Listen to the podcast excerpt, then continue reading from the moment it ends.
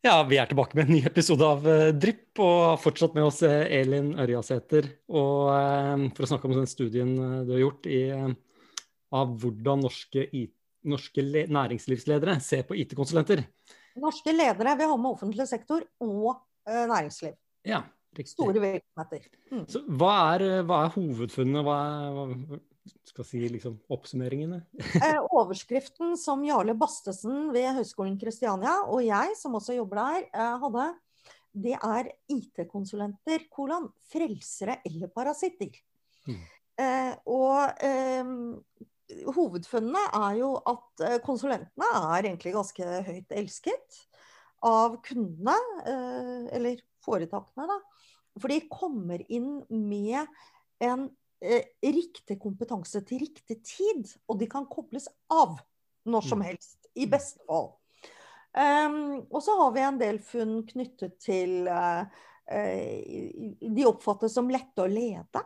Uh, er, dere, sånne som dere konsulenter, er mer instrumentelle. Dere gidder ikke engasjere dere i sånne interne politiske ting. Det opplever lederne som en lettelse.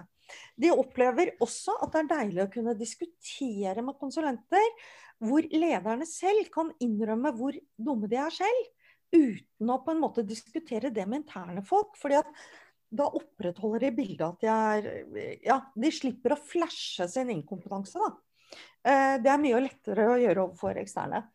Så var vi spent på det som er i internasjonal forskningslitteratur om dette det er jo at bedriftene er redd for at konsulentene stikker av med sensitiv informasjon og gir den til nye kunder. Det er ikke våre informanter redd for i det hele tatt. Det syns jeg er et veldig sånn positivt trekk, og det tror jeg har noe med norske sånn tillitssamfunn å gjøre. Mm. Eh, de tar det for gitt at eh, Jeg sier dere, IT-konsulenter. Ja, vi, vi, er jo det, så, ja, så det er greit. De tar det for gitt at dere samler informasjon på harddisken, eh, og at den informasjonen kan komme til nytte for nye kunder, men på en måte som ikke skader dem. Altså, De har tillit til at dere vurderer det selv. Eh, og jeg tror det er viktig, for her er det jo f.eks. utrolig stor forskjell på en bedrift som er i skarp konkurranse med andre private aktører. La oss si en bank da, som mm. holder på med et eller annet jævlig smart som de vil ha for seg selv. Da er det jo viktig at dere forstår akkurat hva som er sensitivt der. Eh, I motsetning til et offentlig foretak som bare vil bli kjempestolte hvis dere tar deres løsning og bruker den til en ny kunde. Altså, kundene er ulike. Og våre informanter har tillit til at konsulentene forholder seg til det. Det de ikke har tillit til, det er at dere ikke er grådige. Mm. De er redd for å bli låst fast i strategier som gjør at konsulentselskapet kan fakturere jevnt og trutt i ti år framover. De er altså redde, så, så det er der vi sier frelsere eller parasitter. Det er der parasittbegrepet kommer inn. Eh, om dere foreslår løsninger som gjør at hele eh, Beck marsjerer inn med mann og mus og fakturerer og fakturerer i 15 år framover. Mm. Jeg syns den er veldig interessant. Jeg har jo sittet på andre siden selv. Jeg har jobbet i Avinor eh, før jeg begynte i Beck. Mm. Og eh, Beck var en av mine Jeg leide, inn Beck. Uh, men, eh, men, jeg satt med samme frykten. Jeg kjenner meg veldig godt igjen i den. Den og det gjaldt jo egentlig alle leverandører. Altså lock-in. Å være låst til noen er, er, en skummel sak. Så jeg prøvde alltid å lage modeller for det også i, an, i anskaffelser. Mm. Men en ting som slår meg, som er litt sånn vrient med det der, da, det er jo at bygger, La oss si du bygger en app, da og den legges ut på AppStore, så må du vedlikeholde den, ellers så forsvinner den. Mm. Mm. Eh, og det samme med La oss si du bygger noe for et, eh, et annet selskap som, eh, som eh, må oppdateres for å være sikkert. Det kommer en sikkerhetstrussel, og hvis ikke du oppdaterer, så, så er den ikke der. Er det For du sier man må oppdatere en app, eller er det noe krav? Ja, den blir, den blir dyttet ut av uh, AppStore hvis den ikke uh, oppdateres til å støtte de nye uh, systemene. Mm. Så, så, og det er kanskje litt vrient å formidle i en sånn sammenheng, at man har et sånn driftsløp. Vet du hva, det der er jo superviktig informasjon å gi til kunden. Mm. og bare for å ta dette ned på mikronivå. Jeg ble jo kjempe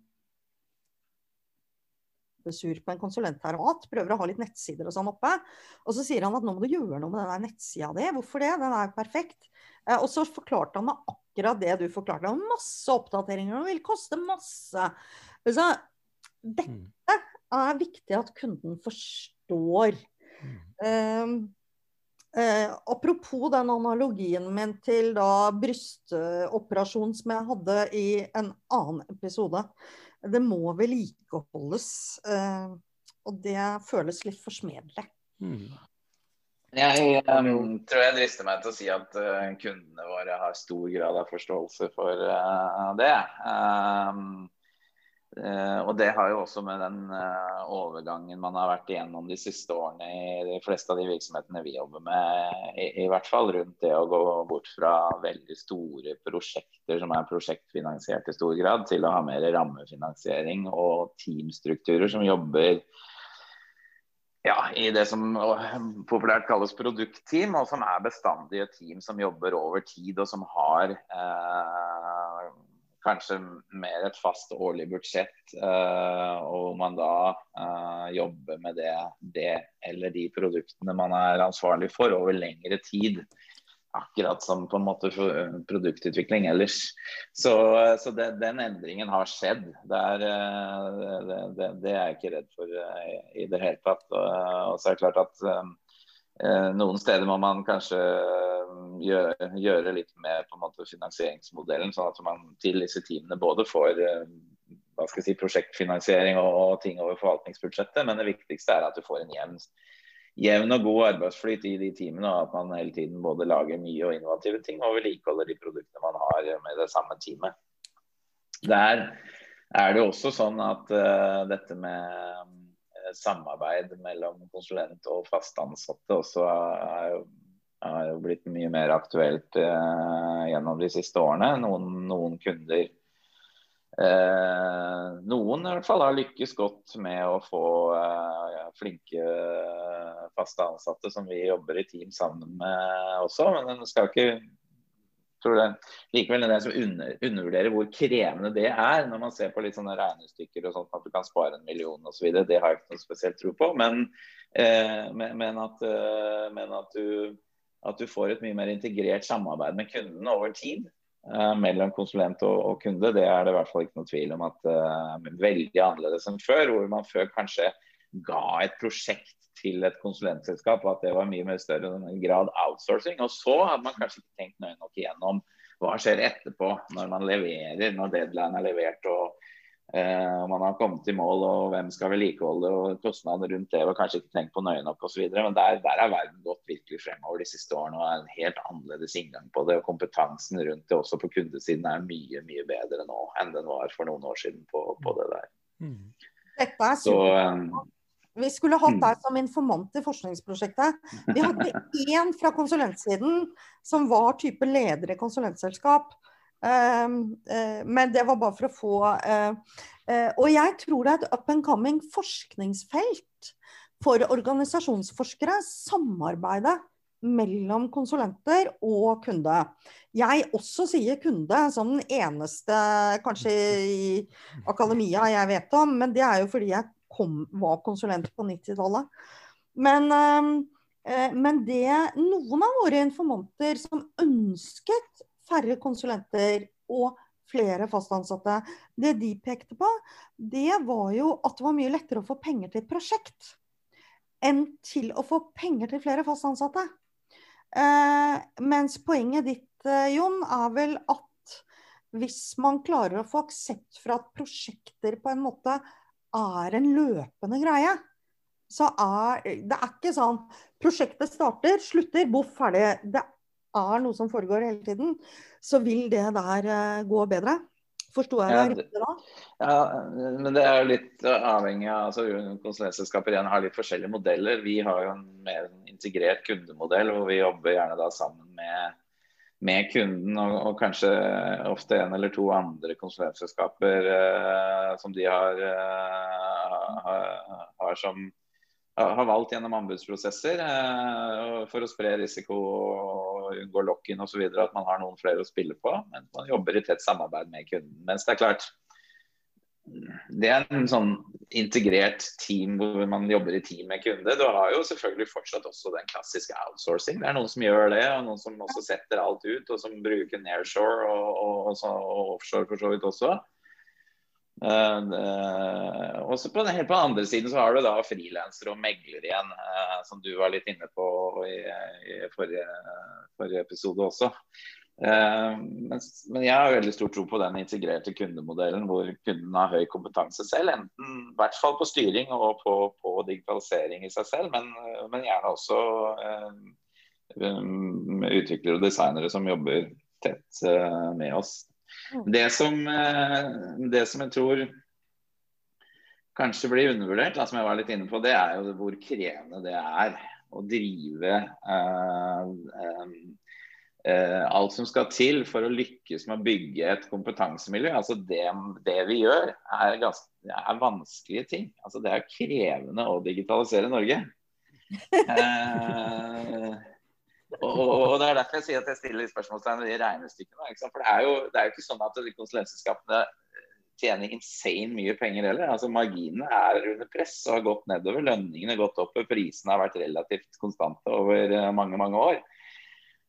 Eh, sånn, vi har ikke, vi har ikke sånn kjempemarginbransje lenger. Eh? Og det, noen, noen selskaper som tjener insane mye penger. Det er avsløringen av Akson de gutta der i PwC, de tjente i min verden insane mye penger. Ja, men jeg tror ikke det er representativt for liksom hele bransjen, hvis du ser på omfang og volum av konsulentbransjen og det som dreier seg med stor grad av, det stor, stor del av volumet er jo tross alt systemutvikling. Altså Systemutvikler i Norge, konsulentpriser vil jeg si er billig i forhold til mange andre land. Se på England, USA osv. hva de tar i timespris der i forhold til Norge. Mm. Uh, og, og tenk på lønnsnivå og sånn i forskjell også, så, så, er det det. Altså, alt apparatet som skal til for å drive et konsulent- eh, eller kompetansemiljø, om det er, om det er konsulent eller inhouse, det, er, det er rekruttering, høy grad av kompetansebygging. Det er bemanningsprosesser og systemer. Det er eh, personalledelse, infrastruktur, sosialt opplegg. Eh, man skal ta høyde for permisjoner og sykefravær osv. Altså alt det der spiser jo av marginen, og det er derfor jeg ikke tror på regnestykkene. For det, det, det, det, har de glemt å regne inn. Hvis du tar timepris versus uh, timelønn, så går de regnestykkene opp. Men hvis du regner inn alt det som skal til, så gjør det ikke det. Men da har jeg et spørsmål.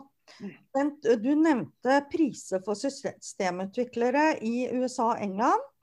Eh, I forhold til Norge Jeg har vært på plattformer som type Upwork. Eh, og sett hva en systemutvikler koster i Hviterussland og Ukraina. Eh, hva tror dere om fordeling av arbeid gjennom den type plattformer? Eh, hva slags prosjekter er det som eh, vil bli brukt Hva slags prosjekter er det hvor denne type plattformer er nyttige, da? Mm. Det er en sånn problemstilling som jeg har vært borti mange ganger. Jeg har jobbet mye med gründere. Og gjør det, for, gjør det fortsatt uh, av og til. Uh, da trenger man ofte plutselig eh, noe mer kraft. Ja. Og jeg vil si at avgjørelsen der eh, den handler om hvor, hvor mye Hvor nær forretningsmodellen er det du trenger å gjøre. Mm. Eh, hvis det er sånn at eh, hvis det er sånn at det uh, man skal igangsette, faktisk er det du skal leve av, så, så er du er, ikke bare er du avhengig av daglig kontakt, men du er, du er på en oppdagelsesferd sammen med den som utvikler. Du, du, må, du må også lære av hva som blir oppdaget og, og lært underveis i utviklingsløpet, f.eks. Da, da tenker jeg at da, da må man sitte mye tettere på enn å kunne sende beskjed frem og tilbake. Mm. Uh, så er det jo litt sånn eh, Man kjører jo gjennom De fleste løsninger i dag er jo kundemøtene. Altså du lager løsninger som kunden eh, bruker, eller en sluttbruker bruker. Og, og, i den dialogen der, hvor man da også oppdager hva er egentlig det vi eh, bygger til for, eh, og detaljene i det, og behovene kundene viser seg å ha, det, der i sånne tilfeller så, så må det nok så er, er, det nok lurt å ha noen som sitter på kontoret sammen med deg. Som kan reise deg opp og tegne på en tavle og si hva skjedde her, betyr, hva betyr dette, hvorfor reagerer kundene på den måten der, hva kan vi gjøre for å finne ut av om dette er en riktig vei å gå eller ikke. Mm, mm.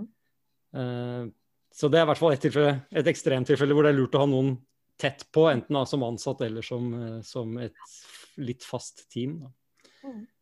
Uh, ellers så tror jeg det er uh, altså IT-utvikling har jo vært et globalt marked ganske lenge, vil ikke si det, Jon? Så, så, vi har jo vært utsatt for Det er i hvert fall rene utviklere har vært et, uh, utsatt for en internasjonal konkurranse uh, med nettet.